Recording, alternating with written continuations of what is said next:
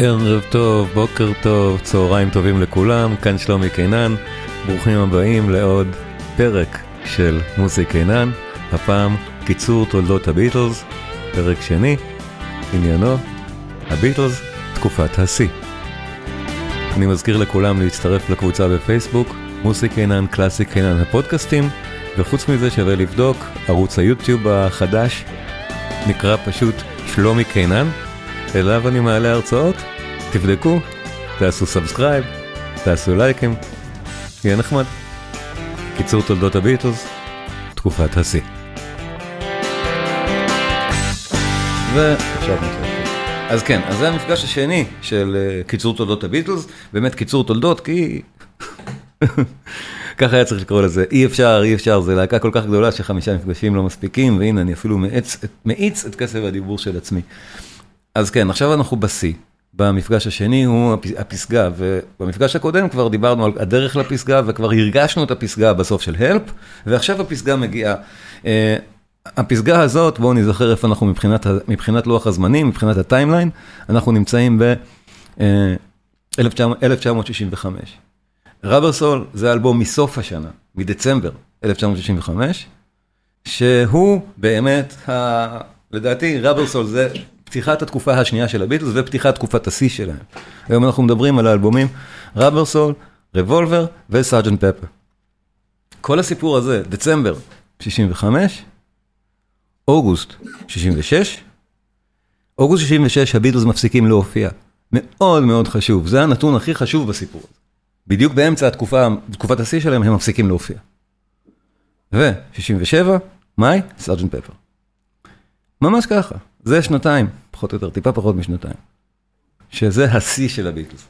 עכשיו, בהרבה מאוד מובנים האלבומים האלה דומים זה לזה, אבל בהמון מובנים הם גם כל כך שונים אחד מהשני, שקשה להבין איך הלהקה עברה מכאן לכאן בשנה, בשנה וחצי. אנחנו, אנחנו נראה את כל זה, אבל רוב המפגש של היום יהיה מלווה בדיבור שלי על השירים, כי זה פשוט להיט אחרי להיט, אנחנו בתקופת השיא של הביטלס. אז בואו נתחיל, לפני האלבומים עצמם, יש לנו את הסינגלים מהאלבומים.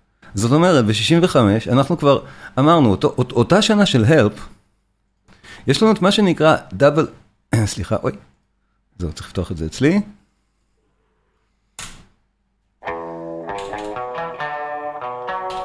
השיר הזה, Day Tripper, זה סינגל מההקלטות של האלבום Rubber Soul. אמרנו, יש סינגלים שהם לא חלקים מהאלבום. זה ה-45 RPM שיצא, יחד עם האלבום Rubber Soul, זאת אומרת, לכל דבר ועניין, זה חלק מהאלבום המופתי הזה. אבל איזה להיט ענק Day Tripper בזכות עצמו. והיום אני שדרן רדיו, בגלל שצריך לשמוע שירים שאורכם יהיה כשעה, אני אדבר שעה על השירים.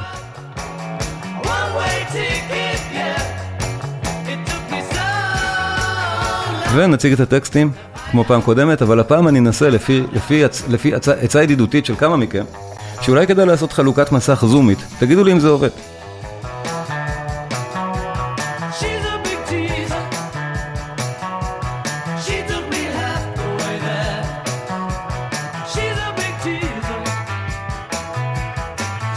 דיי טריפר, תכף נראה את הטקסט שלו, ואז אני אנסה לחלוק אותו איתכם, ותגידו לי, אם הדרך הזאת עובדת טוב, אז הצלחנו.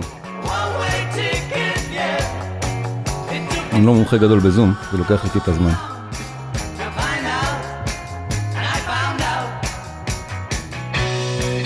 עובד טוב? מעולה. יופי. אז אלה המילים.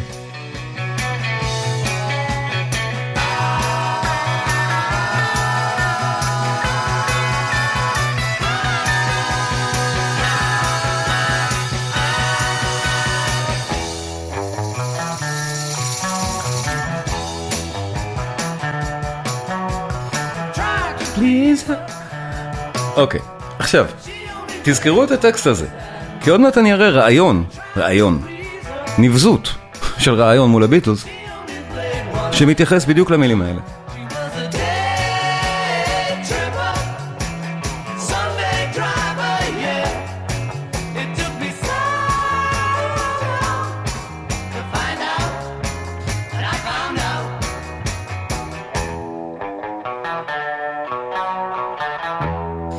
עכשיו, השיר הזה באמת כל כך טוב, שברור שמשחררים אותו בתור מה שנקרא סינגל.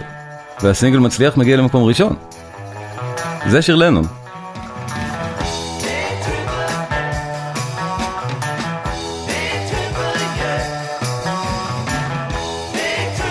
אבל יש שיר מקארטני, בדיוק, בדיוק, מאותם סשנים של, של, של, של האלבום שנקרא רבר סול, שהוא גם כל כך טוב. אז הוא גם צריך לצאת באותו הסינגל, אז זה מה שנקרא double A side, לסינגל יש שני צדדים, A ו-B. לא, אז זה ה double A side, הראשון בשורה של ארבעה כאלה של הביטלס. צד A וצד A.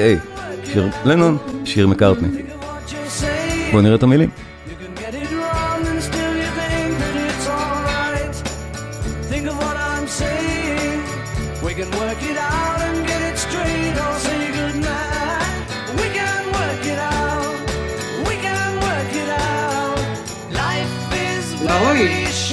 לא רואים? לא. אוקיי, אז זה כל פעם נעלם מחדש. אוקיי, טוב שאתם אומרים לי. לא יודע למה זה עושה את זה. אוקיי, אז אולי ככה יותר טוב וזהו? לא יודע. זה טוב? זה טוב? מעולה. סלחו לי על זה.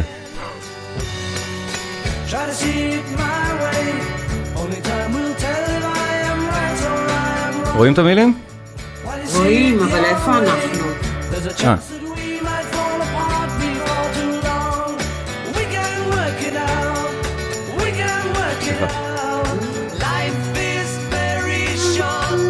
And there's no time ואין כל זמן זה שיר שהוא חציו מקארטני חציו לנון הפזמון הוא לנון טה טה טה קה קה השגעת הזאת תכף אני אראה את זה עם הפסנתר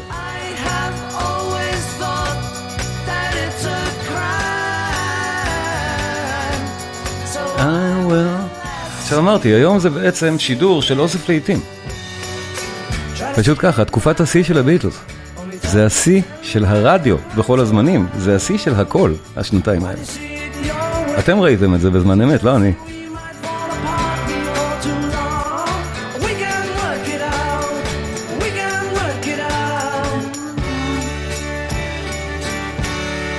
שני להיטי ענק שהם שייכים לאלבום, שבואו נתחיל לשמוע את האלבום.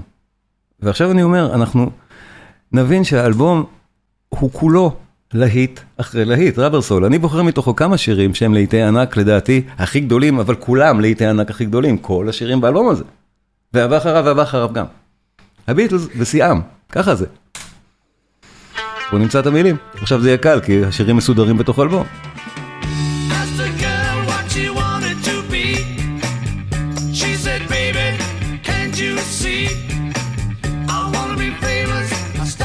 אתם תכף תגידו לי שהפסדתם את הטקסט, אני אתחיל את השיר מההתחלה, מבטיח. עכשיו כבר זה יהיה קל.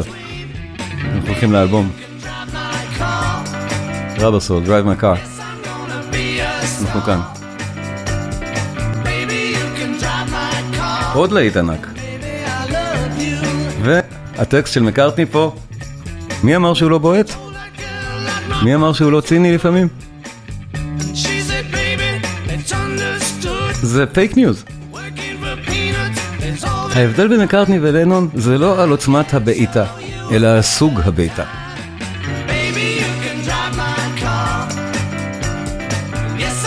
איזה להיט.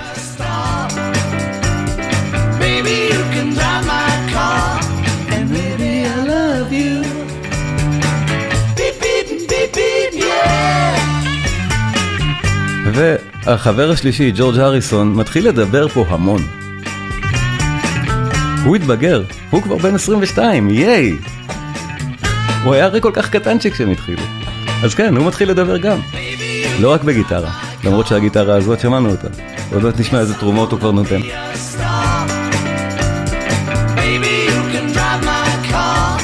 And maybe I love you.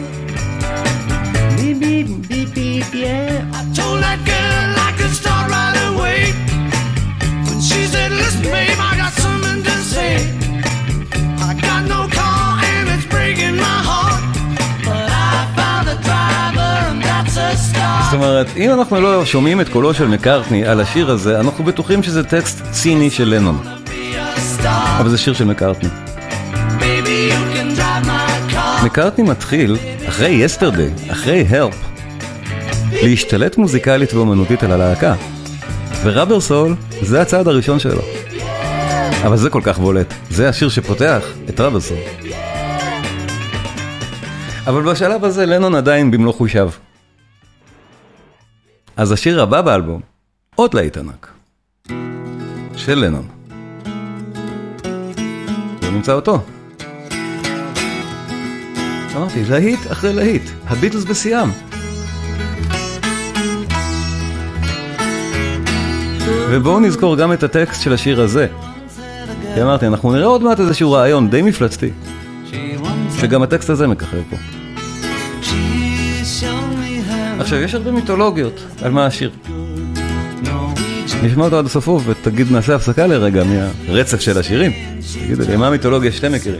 על מה השיר, על מה לנון כתב את זה?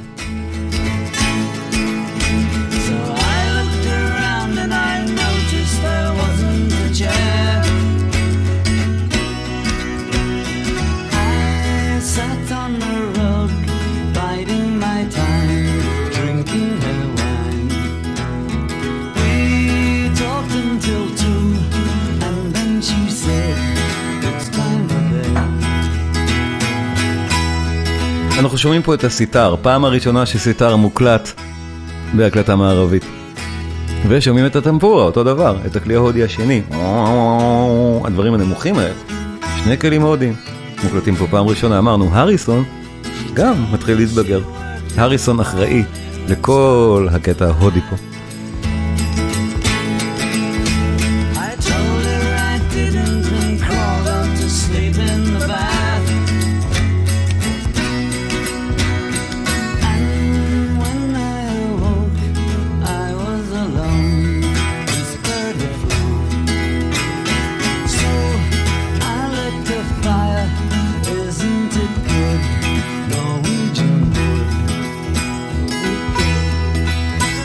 שיר נהדר.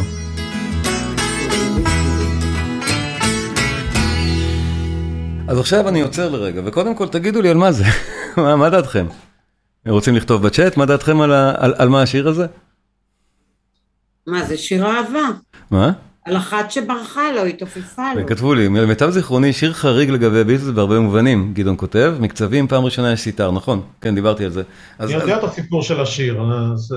אז אוקיי, אז מה. נו אז דבר, לא, לא, זה לא פה עניין של ספוילרים, שוב, יש לי יותר מדי להיטים היום, אני רוצה, זה סיפור אני, שקרה למיטב זיכרוני לג'ון לנון, כן, שהוא יצא עם מישהי ולא תכנן שום דבר, ובסוף נרדם אצלה בחדר, ותוך כדי היא אמרה לו, תקשיב, הוא הבין שהיא זונה, והיא אמרה לו, אבל אני עובדת בבוקר, אז... אה, אז זה האגדה שאתה שמעת, כל אחד שמע אגדה אחרת על הסיפור הזה, כן. יש כל כך הרבה מיתולוגיות, נכון? יש מיתולוגיות, בוודאי, בביטלס כל דבר. כל דבר הוא. מיתולוגי. אז אף אחד לא יודע מה הסיפור האמיתי. הנה, הסיפור שגדעון סיפר, זה לדעתי אפילו כתוב בוויקיפדיה, לא?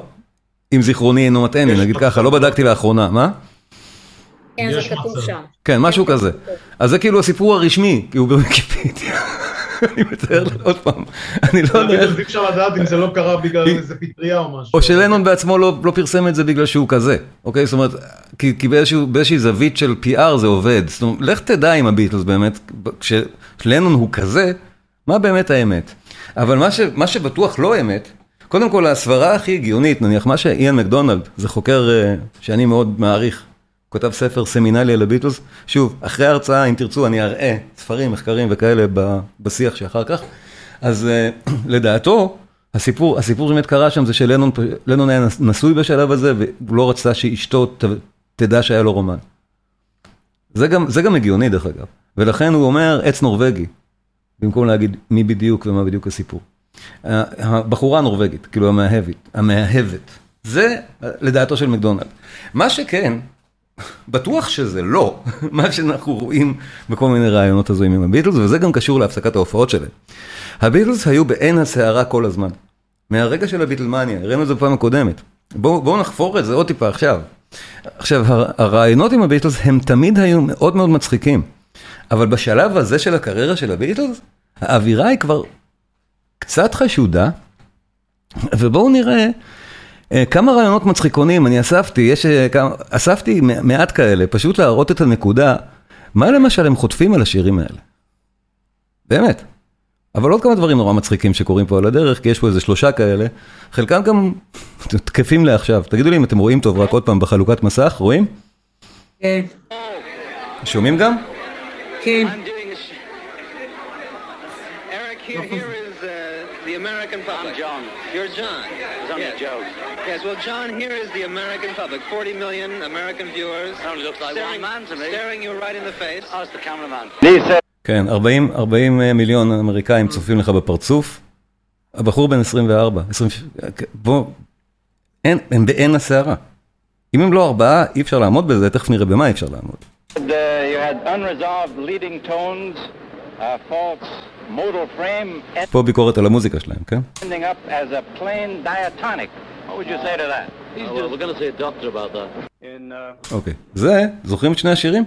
שימו לב. A recent article, Time Magazine put down pop music, and they referred to uh, Day Tripper as being about a prostitute, and Norwegian Wood about as being about a lesbian. Now, I just wanted to know what what your intent was when you wrote it, and what sh- what your feeling is about the Time Magazine criticism of the music that is being written today. We were just trying to write songs about prostitutes and lesbians, that's all. אתם מדמיינים אם המו, היום מקארטני היה עונה דבר כזה? זה תחשבו ג'ון רגע. לנון אמר. זה מקארטני עונה. אל תחשבו שלנון ומקארטני הם מי שאתם חושבים שהם. You prefer my wife? Your wife. What kind of girl is she? She's a nice girl. What kind of girl do you like? Uh, John's wife. John, I told you not. Bunch of clowns. Totally like a smart. But the Beatle movement's going over there, Yeah, is it? Bob, you can even be a Beetle booster, folks. ביטל בוסטר, זה גם נכון לימינו. אבל זה הסדרת הרעיונות הקטנה שרציתי רק להראות בתור רקע שנבין באיזה לחץ החבר'ה האלה נמצאים. זה מטורף. הלאה, זה לא- זה לא נראה שזה מלחיץ אותם. הם הפסיקו להופיע. He's a real nowhere man sitting עוד להיט. שיר אחרי שיר אחרי שיר לרבר סול. ולנון נשאר פה על עצמו. זה שיר דילני כל כך, בואו נראה את המילים.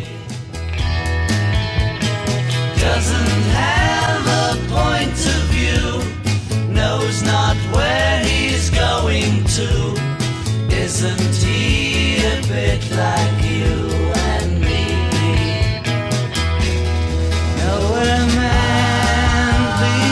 אני כל כך אוהב את השיר הזה, זה אחד מהאהובים עליי אישית, אני לא יודע למה, אני לא יודע למה. אולי בגלל שהיה לו סאבמרין, לא יודע. בסרט אני מתכוון. לה לה לה. הגיטרות כאן. הריסון באמת הופך להיות מוזיקאי על באלבום הזה.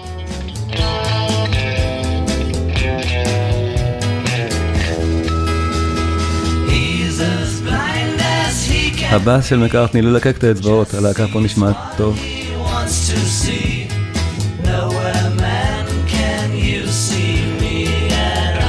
שימו לב לקולות הרקע.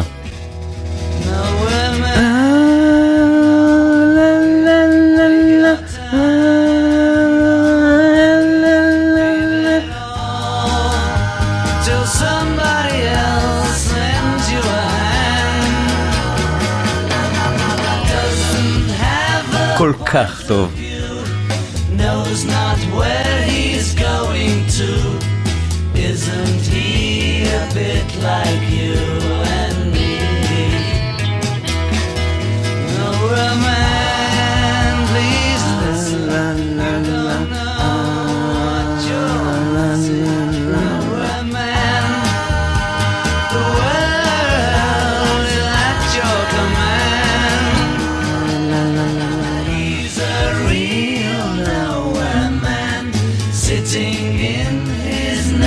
ולנון בינתיים מרגיש על עצמו שהוא nowhere man, ומתחיל לעשות טריפים בצורה די רצינית.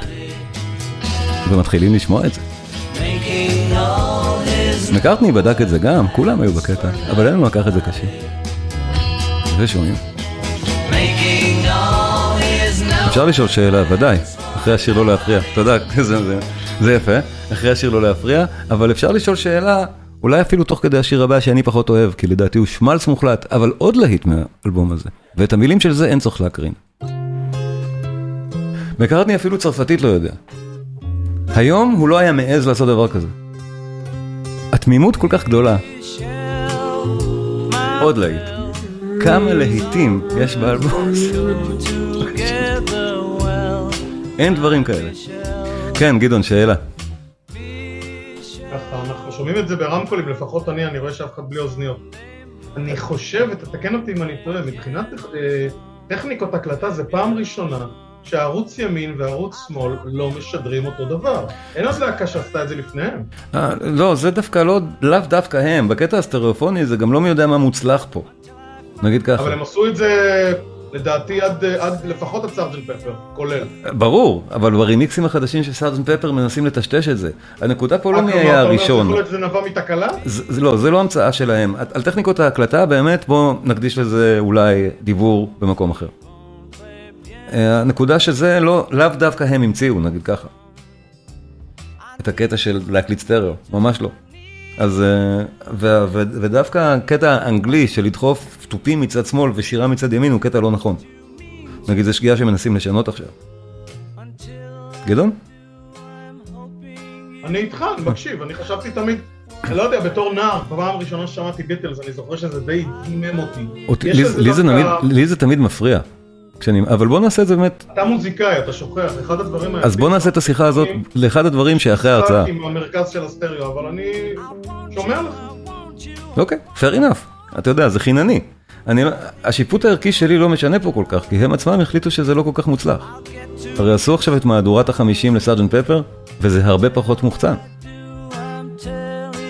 כנראה יש סיבה. רגע, למה אתה לא שם לנו את המילים? אה, כי לדעתי המילים פה הם... אה. צריך? כן. אוקיי. אוקיי. אם ככה, אני מתנצל. תודה. לא, אין בעיה. אני חשבתי שהשיר הזה הוא באמת אה, כל כך מובן. אז אני מתנצל על זה.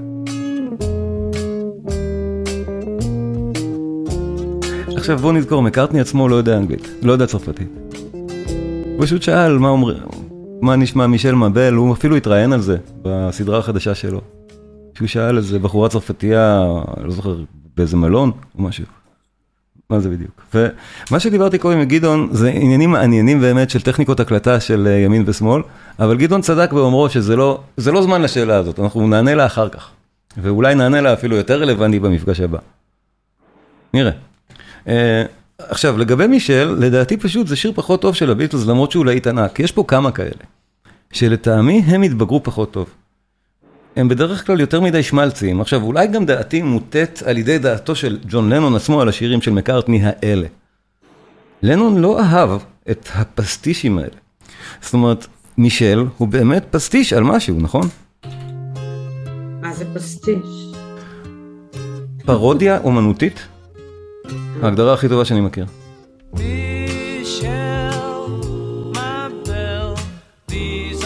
ואם רואים אותו ככזה, זה פרודיה מהסוג שלנון לא אוהב. כי זה מתקתק מדי. לנון עושה פרודיות מסוג אחר לגמרי, אכזריות. מקארטני, הפר... הפרודיות שלו, או הפסטישים שלו מתוקים. המילה היא פסטיש, זו המילה שלנו נקט. אז כן, יש משהו מאוד, שוב מילה באנגלית contrived, בלהגיד I love you, I love you, I love you, ולהגיד את זה בצרפתית כשאתה לא דובר את השפה. כן, זה בעייתי לאומן כמו לנון. לאומן כמו דילן. ההבדל בין לנון למקארטני, שלמקארטני אין שום בעיה עם זה. שוב, שאלו, זה חלק מהעניין. והנה עכשיו בואו נשמע את זה מהמילים.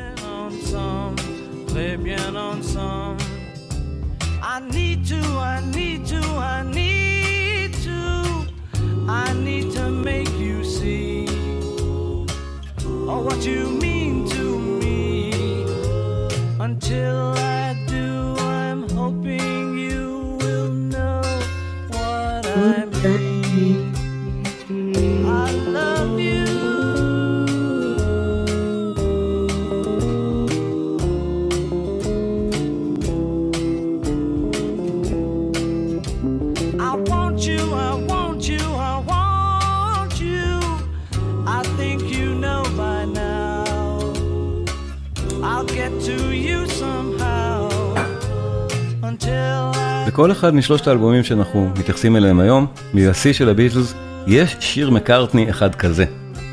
מהסוג השמלצי הזה. שלנון לא סבל. בכל אחד. תנחשו מה, מה יש באלבום הבא למשל שהוא כזה. רבולבר. תכף נגיע לשם. אוי, החתול שלי חזר. פיניגן.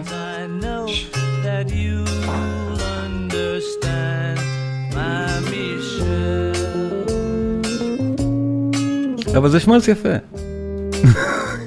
נכון. שמלץ נהדר, בדיוק. הוא כל כך יפה. צריכים, צריכים קצת להמתיק את החיים. ודאי, ודאי. שמלץ נפלא, הרבה מהביטלס הם כאלה. השמלץ הלנוני המקביל. לנון גם יודע לעשות שמלץ, אבל הוא עושה את זה אחרת לגמרי. השיר השמלצי של לנון נקרא Girl, ובואו נראה מה השמלץ בזה. זה פרודיה שונה לגמרי, על משהו אחר, ומוגשת אחרת. שיר אחד אחרי ההוא. She's the kind of girl you want so much it makes you sorry. Still, you don't regret a single day. Ah, girl, הוא כמעט עושה אהבה ב...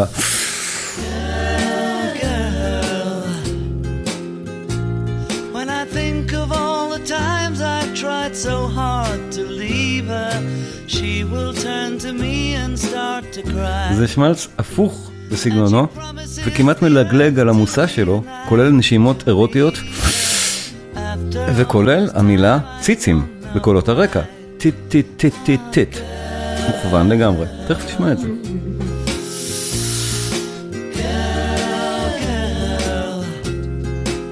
tit tit tit.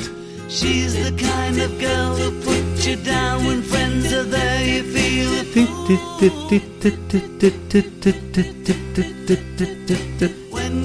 אצל נורנו המסרים הכפולים פה כבר חזקים כל כך נהדר. וזה adult.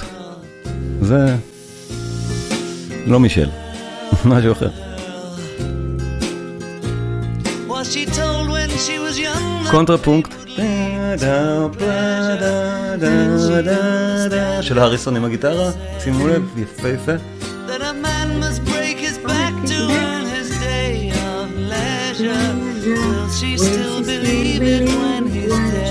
אז בואו לחברות מיקרופונים בבקשה, כי שומעים אתכם שרים פה וזה בגלל זום לא יוצא בטיים.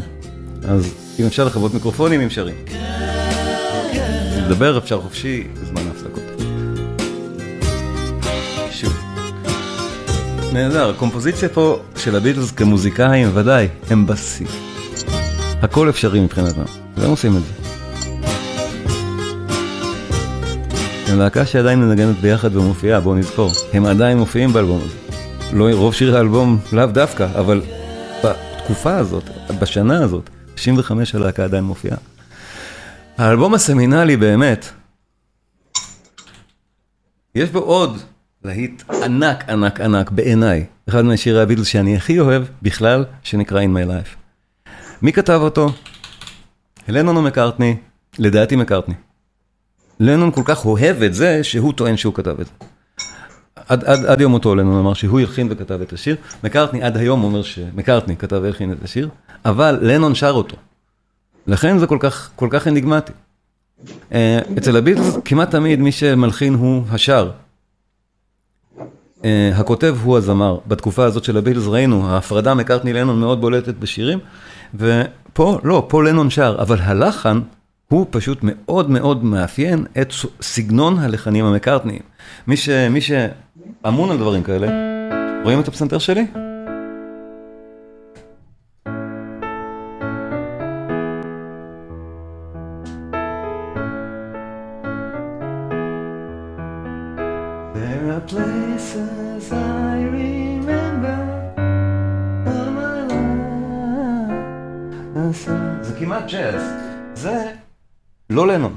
זה מאוד מאפיין את מקארטני.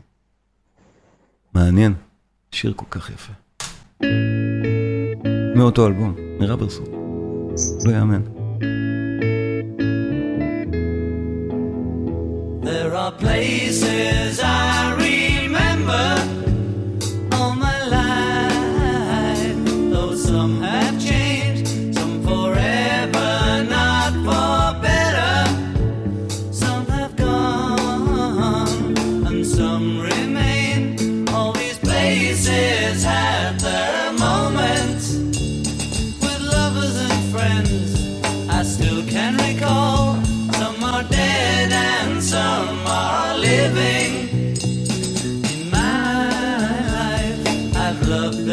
זה גם אחד משירי הביטלס האהובים עליי ביותר. שוב, בקטע אישי. אני לא יכול להסביר מדוע. אבל אולי אתם מזדהים איתי. יש פה תחושה סנטימנטלית נהדרת שהביטלס מעבירים באופן הכי מדויק שאפשר. זה קורה בטח בקטע הסולו שלה, שנשמע כמו קונטרפונקט באך. השיר מבטיח סנטימנט ומקיים אותו תכף, כל כך יפה. זה הדבר הכי סנטימנטלי שאני מכיר שאיננו שמץ. I know I'll often stop and think about them.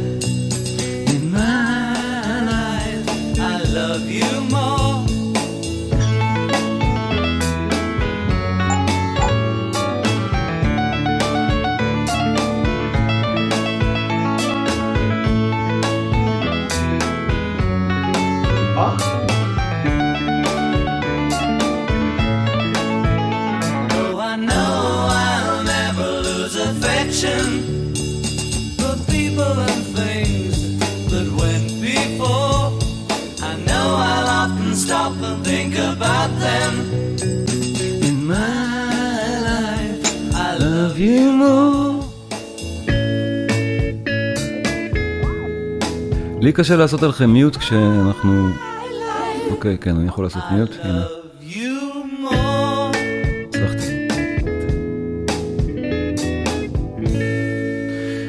שיר נהדר, אה? אלבום נהדר. תקופה נהדרת. ועכשיו אנחנו עוברים לאלבום הבא מיד, באופן שאפילו הריסון התראיין ואמר שהוא לא זוכר איזה שיר נמצא באיזה אלבום, מרוב שרבר סול ורבולבר הוקלטו קרוב אחד לשני. עכשיו, זה לא מאוד קרוב מבחינת... זה כן קרוב, זה באותה שנה. אה, זה דצמבר 65 וההוא באוגוסט אה, 66. אז, אבל היה להם טור באמצע, סיבוב הופעות, ואז חופשה, ואז עוד סיבוב הופעות, ואז הקלטה של עוד אלבום. הריסון אפילו לא הצליח לזכור איזה שיר הוא באיזה אלבום, מבחינתו הם שניהם כל כך צמודים. אבל הם לא, זה כבר התקדמות, באמת התפתחות של הביטלס באופן ענקי קדימה, שהרקע הוא באמת הפסקת ההופעות. קודם שהראיתי את קטעי הרעיונות הקצרים, היה אולי רושם קטן לגבי מה הביטלס היו צריכים לעבור תקשורתית.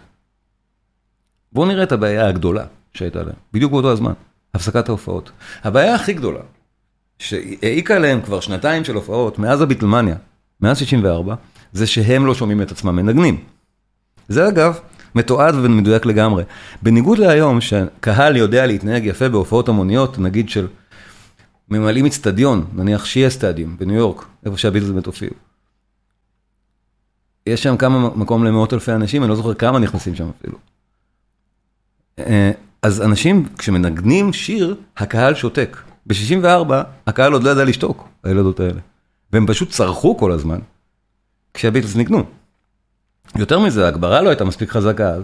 הביטלס חדלו, חדלו לשמוע את עצמם. יש דוגמה נהדרת ב, באלבום, אה, אני אראה אותו. אה, שוב, אתם עדיין רואים אותי, נכון? בעצם.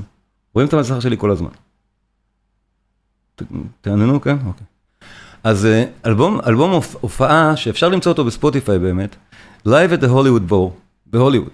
כאילו, ובאמת, בואו נשמע רגע, איזה שיר שנרצה כאן, הם לא מצליחים לשיר. הם מצליחים לשיר, אבל ככה, ככה זה נשמע, כל ההופעה.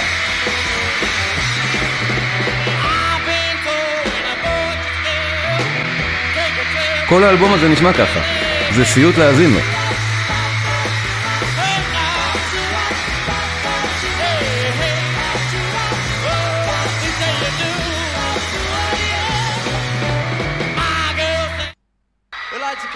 הכל פה עם, עם צווחות לכל האורך.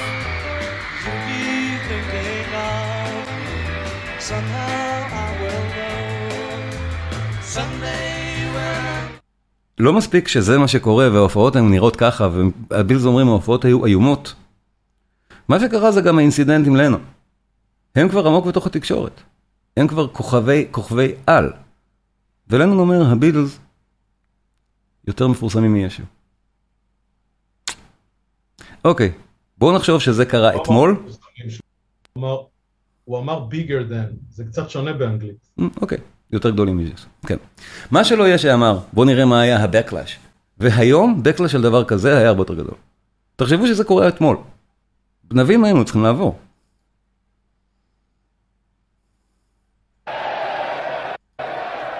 The Beatles arrived in Japan today as their tour of the Far East continues. Across the Pacific in the United States, a furor is developing over comments John Lennon made. Quote, Christianity will go. It will vanish and shrink. We're more popular than Jesus. Unquote. Popular. Here in Tokyo, violence broke out when right wing fanatics demonstrated against the Beatles and their effect on Japanese youth. This is Tommy Charles. If you, as an American teenager, are offended by statements from a group of foreign singers which strike at the very basis of our existence as God-fearing, patriotic citizens, then we urge you to take your Beatle records, pictures, and souvenirs to the pickup points about to be named. And on the night of the Beatles' appearance in Memphis, August 19th, they will be destroyed in a huge public bonfire at a place to be named soon. Stay tuned to Wacky for further development. Now, this religious controversy, I know you don't want to say too much about it, but does it worry you that it's going to boil up when you get to the States? Well, it worries me, yes, but I, I hope everything will be all right in the end of the day. Well, I think I think the Beatles are a real talented group, but I think that they need to watch what they say because they're in such a position that a, a lot of teenagers really think of them as something really big, and and when they say things like that, some teenagers are going to just believe anything they say. No, but I'm not saying that we're better or greater or comparing us with Jesus Christ as a person or God as a thing or whatever it is. You know, I just said what I said and it was wrong or was taken wrong and now it's all this. Did you mean that the Beatles are more popular than Christ? Uh, when I was talking about it, it was very close and intimate with this person that I know who happens to be a re- שימו את עצמכם בנעליו. כל כך צעיר, שוב, אם הוא לבד ואין להקה סביבו, הוא נשבר אחרי לחץ כזה. reporter. I was using expressions on things that I just read and derived from, about Christianity, only I was saying it in the simplest form that I know, which is the natural way I talk. What's the most enjoyable thing to you for about this adulation, this almost uh, godhood on earth that you've achieved? Don't say that. it was him. He said it. You all saw that. כן, הפסיקו להופיע, ויפה שעה אחת קודם, בואו נודה. ברור שהם הפסיקו להופיע, אין שאלה בכלל למה. התוצאה? ש... אוגוסט 66, מפסיקים להופיע, אוגוסט 66, הם כבר הקליטו את האלבום הזה כשהיה בהם ברור שהם לא מופיעים, את רבולבר. שיר של ג'ורג' הריסון, הוא התבגר, הוא מגיע, הוא מגיע ברבולבר.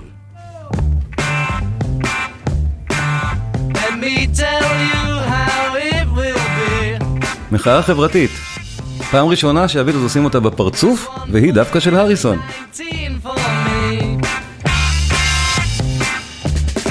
Cause I'm the tax man. Yeah, I'm the tax man. זה אחלה רוקנרול. כמה להיטים בתקופה הזאת, הביטלס מייצרים, שיר אחרי שיר.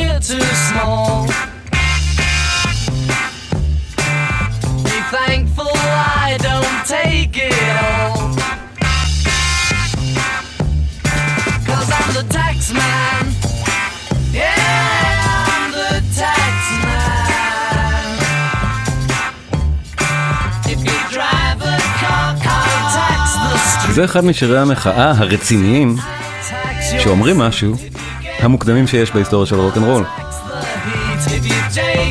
ודווקא הריסון ולא לנון שר אותו. הריסון כנראה באמת היה הילדון החושב של הלהקה. גם אחר כך, בקטעים ההודיים שלו, הוא ניסה תמיד ללכת לעומק, לא תמיד זה הצליח, אבל הוא תמיד ניסה.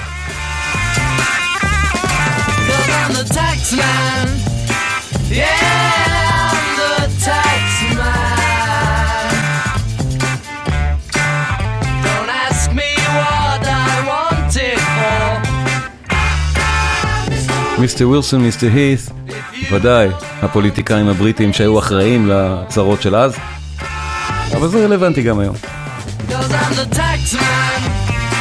Yeah, I'm the tax man.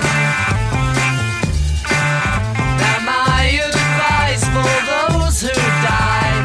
Tax man. Declare the pennies on your eyes. המנהג הנוצרי, כן, שאנחנו שמים את הפניז על העיניים, שיר חזק.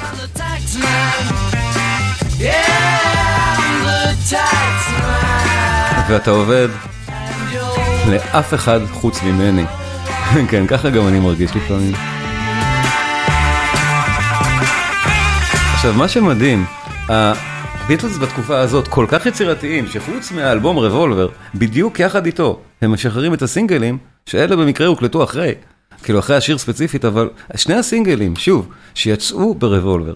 הראשון, מקארטני יורד על לנון. מותר גם למקארטני להיות ציני. שוב, מה שאמרנו בהתחלה, יש פה איזה מתח ביניהם, ובדרך כלל חושבים שלנו הוא יותר ציני, והנה גדעון כותב, לא רוצה להפריע, אבל זאת תחילת התהליך של האדם המתועב הזה והמוזיקאי המדהים לתסביך אלוהים שפיתח עד יומו האחרון. אתה אומר את זה עלינו, נכון? גדעון כתב. ודאי, אני אומר את זה עלינו. בדיוק, אבל בוא, נשאיר את זה, בגלל שאני רוצה. להמשיך בתוכנית הרדיו שלי, קרה לי. הפעם הדיון הוא לא פתוח, נעשה אותו אחרי, ואני ממשיך בתוכנית, אני כאילו משמיע מוזיקה.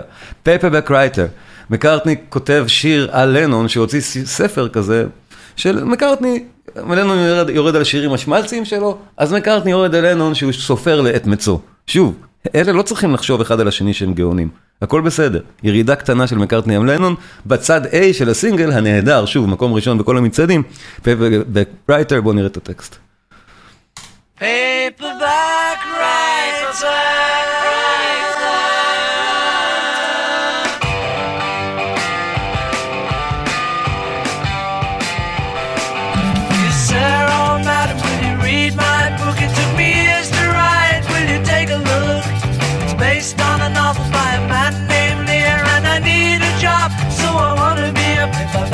לנון זה ה Paperback Writer, הוא הוציא איזה ספר כזה, paperback, כאילו ספרות זולה, לא בדיוק, paperback הכוונה למשהו, והתראיין על זה, שם מזה קצת עניין.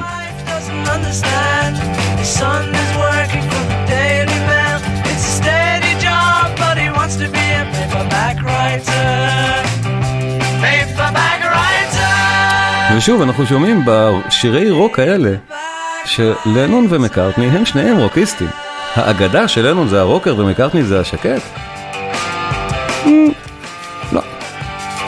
לאו דווקא. זו, שוב, זו לא הנקודה. איזה קולות.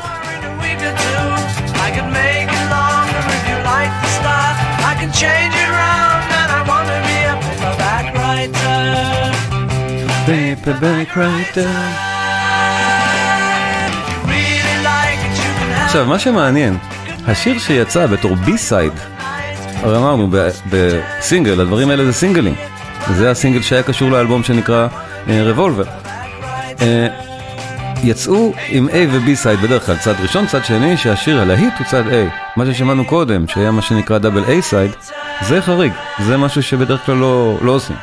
אז פה לא, פה זה ה-A-side, Paperback Writer זה צד A, השיר שהגיע לראש המצעדים. אבל הצד B שלו, זה שיר שאיכשהו חמק מלהיכנס לכל אוסף. עד המועד המאוד מאוחר, אני אראה את זה בספוטיפיי. הצד B של ה... אה, רגע, איפה פה Past Masters?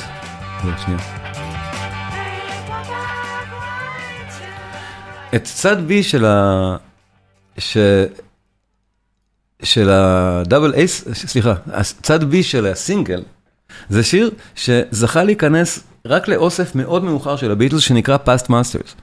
עכשיו, אה, אני אראה אותו בספוטיפיי רגע, שאמרתי, לפעמים הרליסים של, של הביטלס הם מסובכים, צריך לחפש את זה במה שנקרא compilations, רק באוספים של הביטלס. אפשר בכלל למצוא את השיר הזה, ו Past Masters, מאסטרים של העבר, זה בעצם מכיל את כל השירים של הביטלס שלא היו בשום release רשמי, שלא היו בשום אלבום רשמי, שלא באחד מ-13 אלבומים רשמיים שלהם.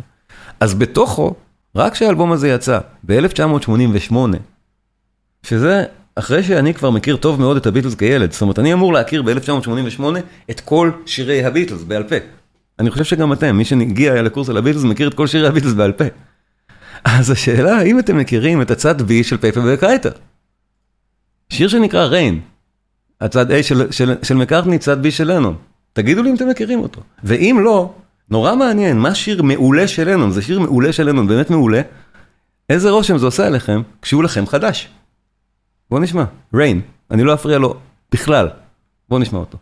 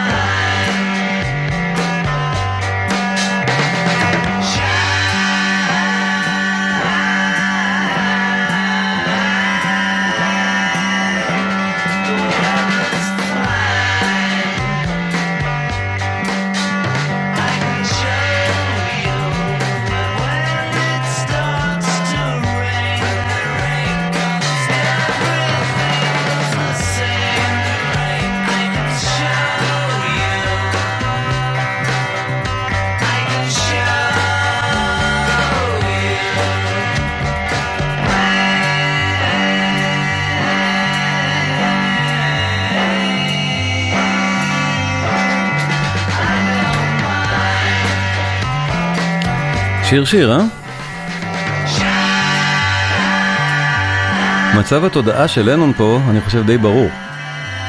זה כבר מהשירים מרחיבי התודעה האלה. לנון פה חזק בטריפים והלהקה עדיין מופיעה כשהם מקליטים את זה. כולם מרגישים מה מצבו של לנון. ודאי שמקארטני, שלאט לאט הולך ומשתלט על העניינים.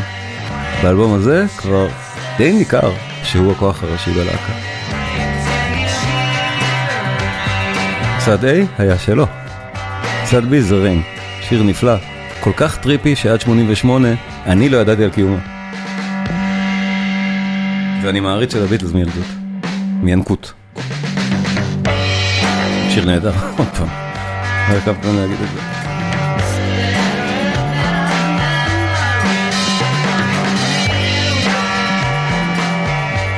שיר שמקדים את זמנו אפילו אצל הביטלס, עד כדי כך.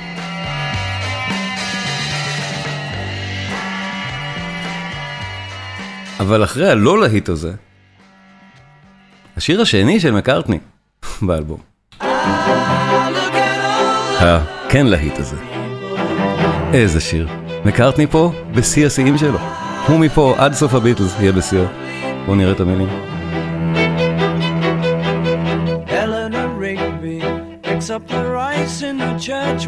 מרחיבים פה את הקונספט של רביעיית מיתרים מ-yesterday לשמיניית מיתרים. עיבוד נפלא של ג'ורג' מרטין, לדעתי העיבוד היפה ביותר שלו. נהדר פשוט.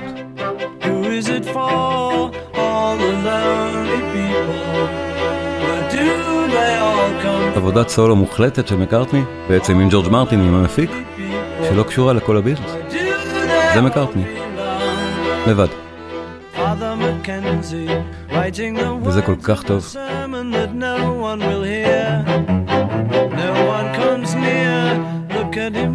זה האלבום, רבולבר. הוא כל כך טוב. קודם שמענו את רברסון, גם כל כך טוב. Where do they all come from?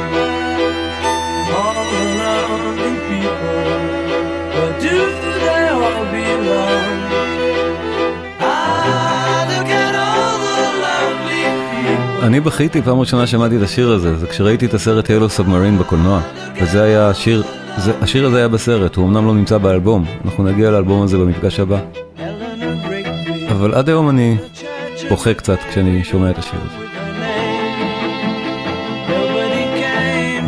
נוגע בי.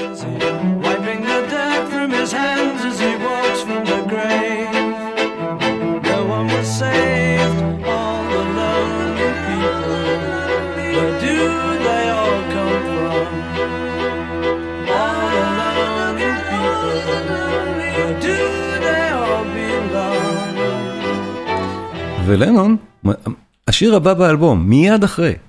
שוב, אנחנו שומעים את זה כסדרו עכשיו. מצבו הפסיכדלי הוא פה, הוא עדיין בהופעות, והוא שר שהוא רוצה לישון. שיר נהדר של לנון, מיד אחרי לאלנור ריגבי. ההבדל הקיצוני בין שני האומנים כאן, הוא לא יאומן. ושניהם מעולים. זה טריפי.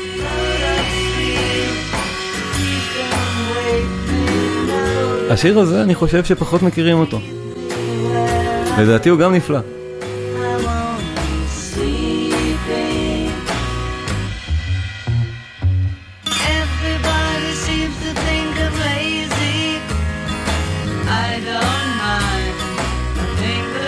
פה הפסיכדליה כבר מתחילה להגיע גם למוזיקה, טכניקות האולפן האלה של הגיטרות המוזרות ההפוכות.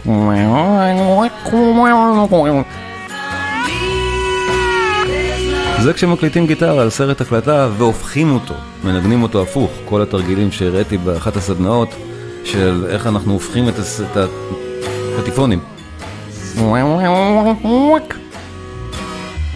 תכף יגיע, וואק וואק חדש.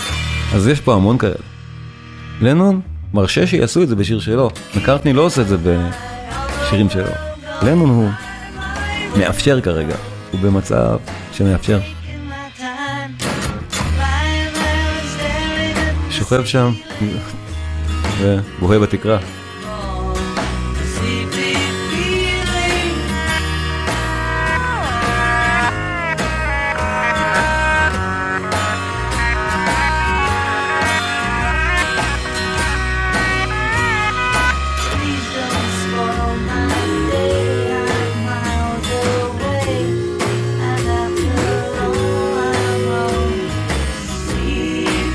אז שינה זו המילה העדינה להגיד למה בדיוק לנון עבר בתקופה הזאת.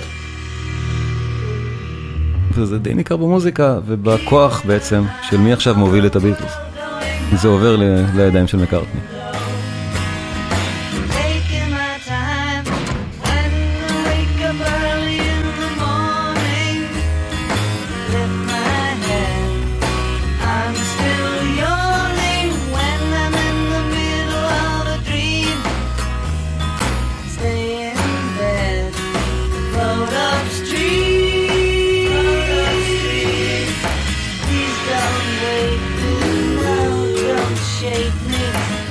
ועוד פעם, השיר הבא של מקארטני מראה שוב עד כמה ההבדל בין שני האומנים האלה עצום עכשיו.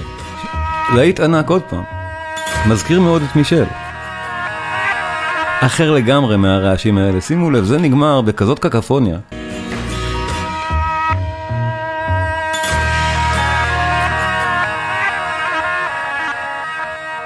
הסאונד הנורא משונה הזה, זה מה שקורה לגיטרות כשהופכים את סרט ההקלטה.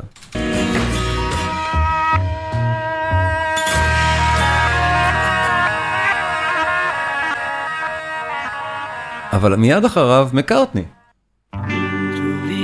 אין יותר מה שנקרא באנגלית wholesome מזה. בוא נראה את המילים. אחד מהמפורסמים והידועים שוב של הביטלס.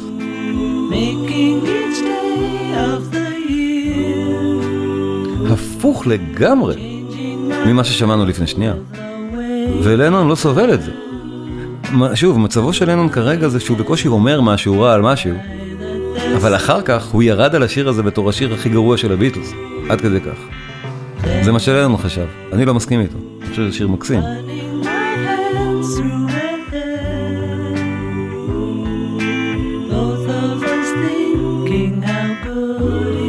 עכשיו, מאחר ואני חורג בזמן, סמנו לי עם הראשים אם זה בסדר. תגידו לי שזה בסדר שחרגתי קצת, כי יש לי כל כך הרבה לעיתים היום, ואני לא רוצה לעצור בשעה. טוב, נעשה הפסקה, me, ונשאל אתכם. I need never care. But to love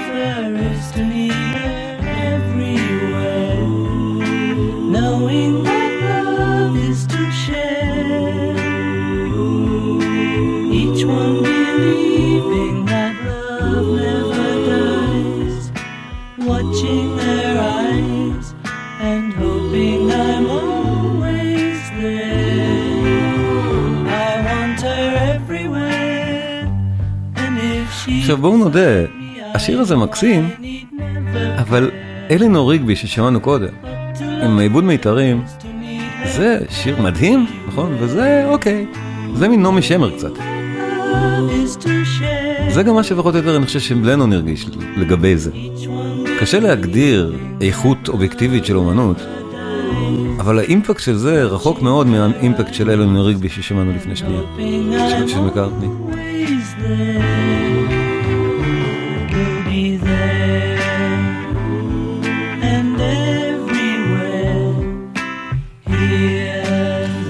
עכשיו, מרוב הלעיתים באמת שיש כאן, לפני השיר המשעשע באמת הבא, אני רק רוצה לשאול אתכם אם זה מבחינתכם באמת בסדר, שנראה את כולם, אם זה בסדר להישאר עוד קצת. תענו לי עם הראשים, ש... יופי, כי אה, אני עשיתי חשבון כמה זמן ייקח, ואמרתי, טוב, אני אדבר על השירים, פשוט אני אדבר על כולם, ואז אני אכניס את זה בשעה. אבל זה לא מסתדר. אני לא יכול לדבר על המוזיקה כל הזמן ולהפריע לה. אז לכן, תזרמו איתי לעוד, לעוד טיפה זמן. בסדר? נהדר, תודה. אז, אז, אז בואו נמשיך, אני, אני אחלוק מסך עוד פעם, השיטה הזאת עובדת, נכון? זה רואים, רואים את הטקסטים? אז בואו נחולק את זה שוב. והשיר הבא, כולם אוהבים אותו. כולם אוהבים תמיד את רינגו. ובאמת, לנון ומקארטני כתבו ל- לרינגו אחלה שירים. על האלבום Yellow Submarine אני אדבר בפעם הבאה, אבל כולנו מתים על, ה, על, על השירים ב Yellow Submarine. כולנו ראינו את, האלבום, את, את הס- את הסרט הזה, אם כילדים ואם כבוגרים צעירים, לא משנה, זה, זה, בשבילי זה ליד צלילי המוזיקה, אחד מהדברים הראשונים שאני הכי אוהב וזוכר שראיתי בקולנוע. צוללת צהובה של הביטלס.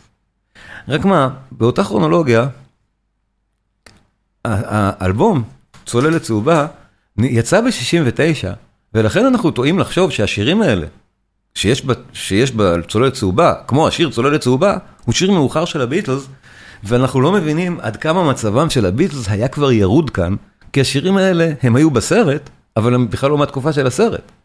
הם מתקופת השיא של הביטלס. אז כן, הם כותבים לרינגו שיר, בגלל שרינגו אוהב צוללות, או משהו, יש לו שני שירים ימיים כאלה. סתם, משהו חמוד, אבל הכי חמוד בעולם. מה מדליק מזה? who life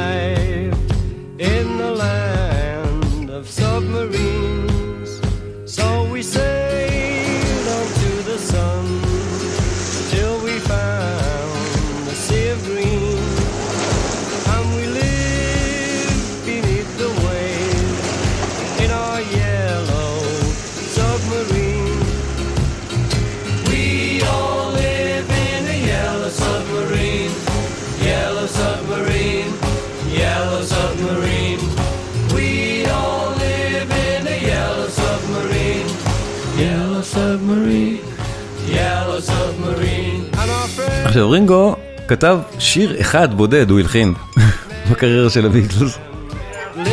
או שניים. זה הם מלחינים עבורו. אבל אה, באמת, הם ידעו לנצל נהדר את היותו של רינגו המצחיק החמוד בלהקה, ברור, ובכל שיר הם דאגו שיהיה לו שיר שהוא שר, בכל תקליט, בכל אלבום. אבל פה זה כבר להיט, ילו סובמרין זה אחד מהסינגלים. נהדר. עכשיו השיר הזה כל כך חמוד שאחרי זה נהיה שיר אוהדים מאוד מפורסם בכל רחבי העולם. אפילו בארץ לדעתי יש שיר אוהדים שמבוסס עליו או היה פעם איזה קבוצת כדורגל ש... אם מישהו מבין בזה. אני יודע שבאנגליה שיר מאוד פופולרי. לחגון אלה אבל כן זו התקופה האמצעית הזאת של הביטלס. עד כדי כך הם ענקים פה שכל דבר כל דבר משני אלה ולזה לא נגיע היום ברור כל דבר משני אלה הוא עצום. פשוט כל שיר as old.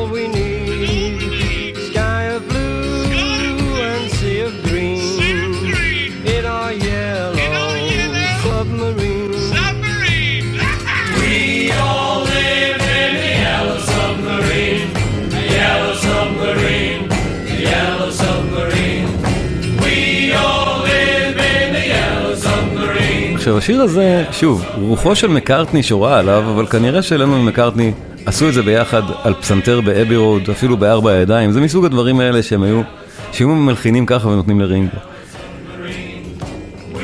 השיר הבא, She Said, זה לחן של לנון, שיר של לנון. עכשיו אני חושב שזה אחד מהשירים הפחות מפורסמים מרבולבר, אבל בואו שוב נשמע אותו בשביל לראות עד כמה הביטלס מעניין, מעניינים מוזיקלית. לנון הוא מלחין מעניין, ודאי. השיר מבוצע נהדר. הביצוע, הנגינה של הביטלס פה היא מהטובות, מההקלטות הטובות ביותר שלהם ב-She Said, והקצב, או מה שנקרא משקל, הוא מאוד מאוד מוזר. בואו ננסה לספור את השיר הזה. אני לא אראה את המילים בגלל שאני רוצה להתרכז רגע בספירה. אנחנו בארבעה רבעים. 1, 2, 3, 4, 1, 2, 3, 4, 1, 2, 3, 4, ארבעה רבעים. אז בינתיים זה לא, לא מוזר במיוחד. גם אלה, 1, 2, 3, 4, 1, זה מה שנקרא syncopation. זה עדיין ארבע. 1, 2, 3, 4. חזרנו, עוד פעם בית.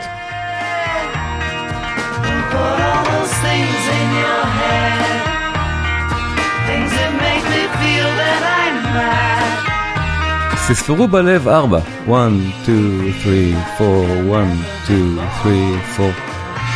ועכשיו, מה קורה פה? Said, You don't understand what I said.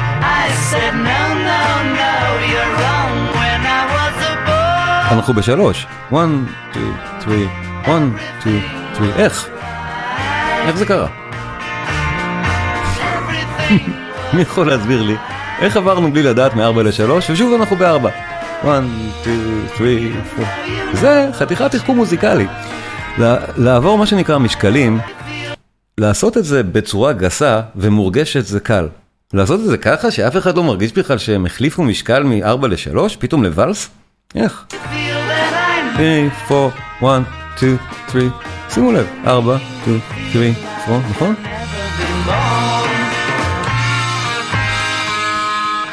עכשיו מה זה?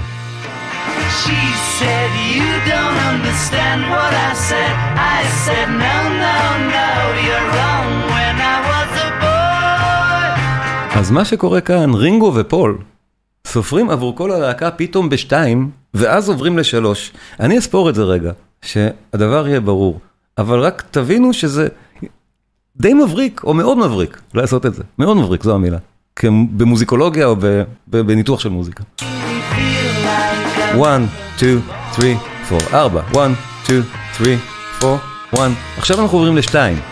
1, 2, 1, 2, 1, 2, 1, 3. 1, 2, 3, 1, 2, 3, 1, 2, 3, 1, 2, 3. זאת אומרת, עברנו לשלוש פעמיים לפני כל השאר, על מנת שהקהל בכלל לא ירגיש שעברנו. שוב, שימו לב כמה זה יפה. 2, 3, 4, 2, 3, 4, 2, 2, עכשיו שתיינים. Said, You don't understand what I עכשיו שלושים. 1, 2, 3. when I was a boy. בואו נשמע את השיר הנהדר הזה, אטומו.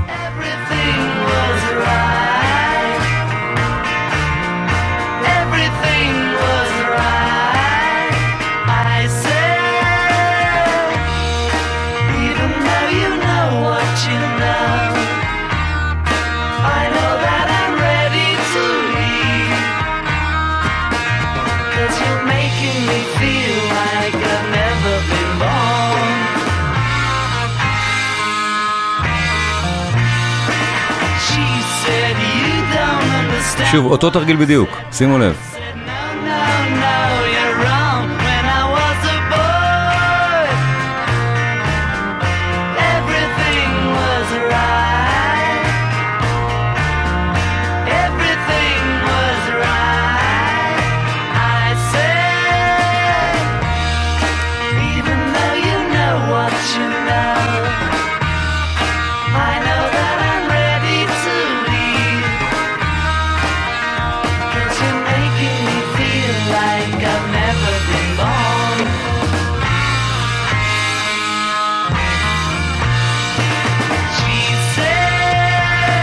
אבל זה שיר נהדר, ואני, לדעתי, אני אפילו רואה את התגובות שלכם, זה אחד מהשירים הפחות אהובים מהאלבום הזה. זה מצבו של לנון כרגע. כי מקארטני, שיר אחרי שיר, עוד masterpiece. נראה את המילים. זה מהיפים של הביטלס. פשוט ככה. בואו נראה את המילים. מקארטני לבד לגמרי, שוב, בלי הלהקה בכלל. She wakes up, she makes up, she takes her time and doesn't feel she has to hurry. She no longer needs you, and in her eyes you see nothing. No sign of love behind the tears cried for no one. A love that should have lasted years. אם אתם זוכרים, יש כאן סולו של קרן יער. שוב, פעם ראשונה שיש דבר כזה במוזיקת פופ. מקארטני לא יודע לכתוב תווים, אז הוא שר את הסולו. מרטין כתב את זה, אה, הוא שר את זה, את הסולו לנגן.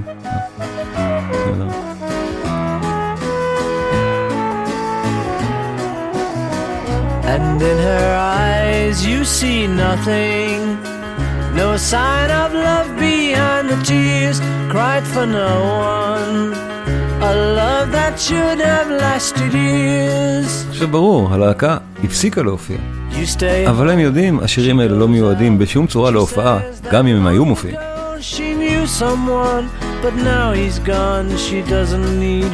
שוב.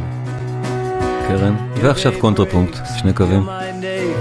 There will be times when all the things she said will fill your head. Won't forget her. And in her eyes you see nothing. No sign of love behind the tears cried for no one. A love that should have lasted years. ולסיים את 66, בעצם, לפני סארג'נט פפר. מה שסוגר את האלבום זה לנון. כבר מלחין שיר על שני אקורדים. זה בהחלט, עוד לא קרה. עוד לא קרה, שיר על שני אקורדים. כן. אבל, אבל יותר משני אקורדים. יש פה טקסט מספר המתים הטיבטי. אה, אם זה לא מרחיב תודעה, אני לא יודע מה כן. אבל זה בטח סימן לבאות. זה כבר, באמת, הביטלס הפסיקו להופיע. השיר הזה הוא כבר פסיכדלי לחלוטין, עמוק עמוק עמוק פסיכדליה. המחר אינו יודע, tomorrow never knows, טימותי לירי, נביא ה-LSD. זה טקסט מספר המתים הטיבטי שאותו הוא מצטט, כ- ציטט כתורה מסיני בזמנו. הסיפור החברתי פה הוא עמוק. בכל מקרה, השיר, כפורץ דרך,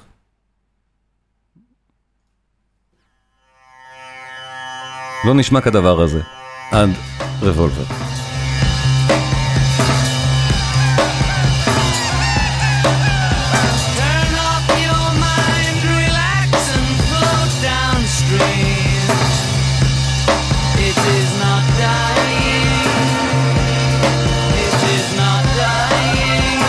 תחרות לעוצמה הזאת, וכל מקטרגי רינגו כמתופף צריכים להקשיב לשיר הזה כמה פעמים.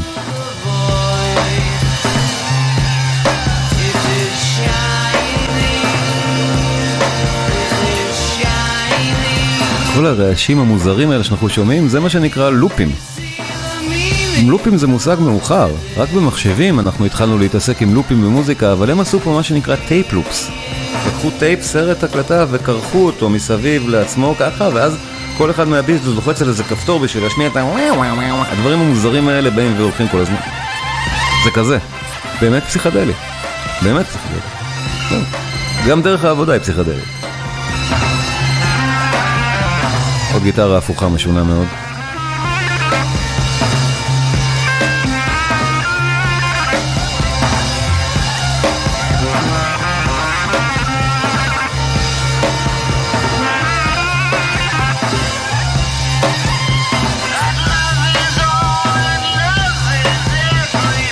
כאן לנון שר דרך מה שנקרא distortion, עוד אין distortion, אני פשוט קורא לזה ככה, משהו שמאוד מעוות את קולו.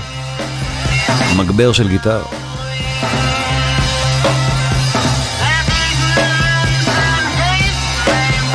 הוא ביקש מהמפיק, מג'ורג' מרטין, שיגרום לו להישמע כאילו שהוא נזיר טיבטי על ההר שצועק. אוקיי, כנראה.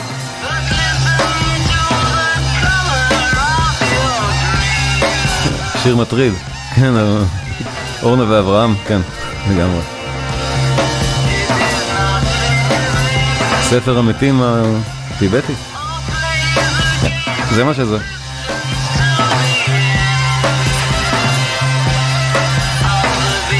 זה מה שקורה כשלהקה מפסיקה להופיע. יש להם יותר מדי זמן.